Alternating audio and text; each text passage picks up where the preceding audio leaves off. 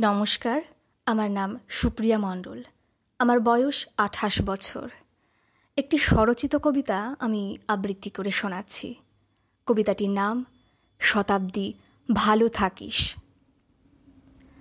শতাব্দী আমার স্কুলের বান্ধবী। আমার কিশোরী বেলার অনেকটা সময় কেটেছে ওর সঙ্গে। টিফিন ভাগ করে খাওয়া থেকে বেঞ্চে বসে দুষ্টুমি, ডেস্কে কারুকার্য করা, দিদিমণিদের বিভিন্ন নামকরণ, পরিবারের সমস্যা, প্রথম প্রেমের প্রত্যাখ্যান। সবটাতেই আমরা দুজন ছিলাম একে অপরের পরিপূরক। স্কুল জীবনের ইতি ঘটতেই আমাদের সামনে এগিয়ে যাওয়ার রাস্তা বাঁক নিল দুই দিকে। আমি ভর্তি হলাম কলেজে। আর শতাব্দীর সঙ্গে সম্পর্কে পড়ল ছেদ। কিছু মাস পরে একজনের থেকে শুনলাম, শতাব্দীর মদ্যপ বাবা জোর করে ওর বিয়ে দিয়েছে কোন এক পরিচিত সুপাত্রের সাথে।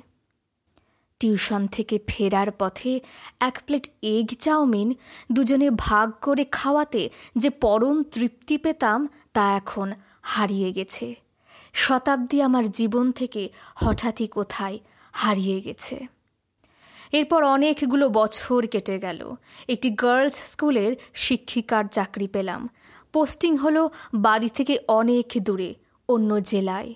নতুন জায়গা, নতুন পরিবেশ।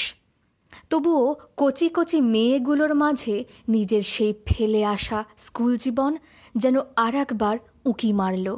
আবার হারিয়ে গেলাম ওদের ভালোবাসার ছোঁয়ায়। দিন কয়েক পরে সকালে খবরের কাগজে চোখ বোলাতেই একটা নাম দেখে মনের মধ্যে কেমন একটা খটকা লাগল। নামটা ছিল শতাব্দী, তবে পদবিটা অন্য। স্বামী হত্যার অপরাধে যুবতী ধৃত। এই ছিল খবরের শিরোনাম। ইনসেটের মেয়েটির ছবিটি কেমন যেন চেনা চেনা ঠেকল।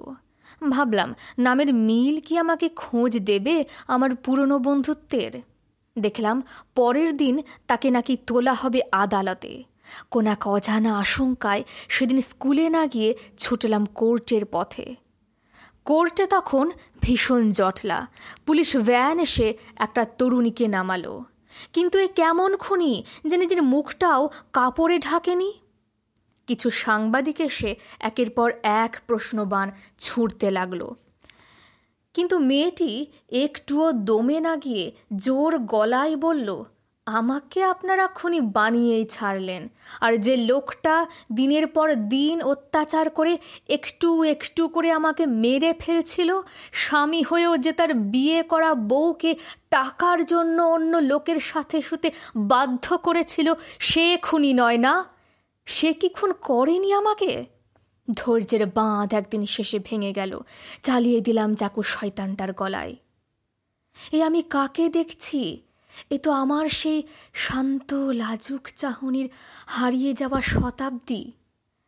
শতাব্দীর পর শতাব্দী ধরে মেয়েরা শোষিত হতে হতে যখন মা দুর্গার মতো অস্ত্র তুলে নেয় হাতে, অন্যায়ের প্রতিবাদ করে ওঠে, তখন কত সহজেই আমরা তাদের গায়ে খুনি, নষ্ট, সাংঘাতিক মেয়ে মানুষের তকমা লাগিয়ে দিই।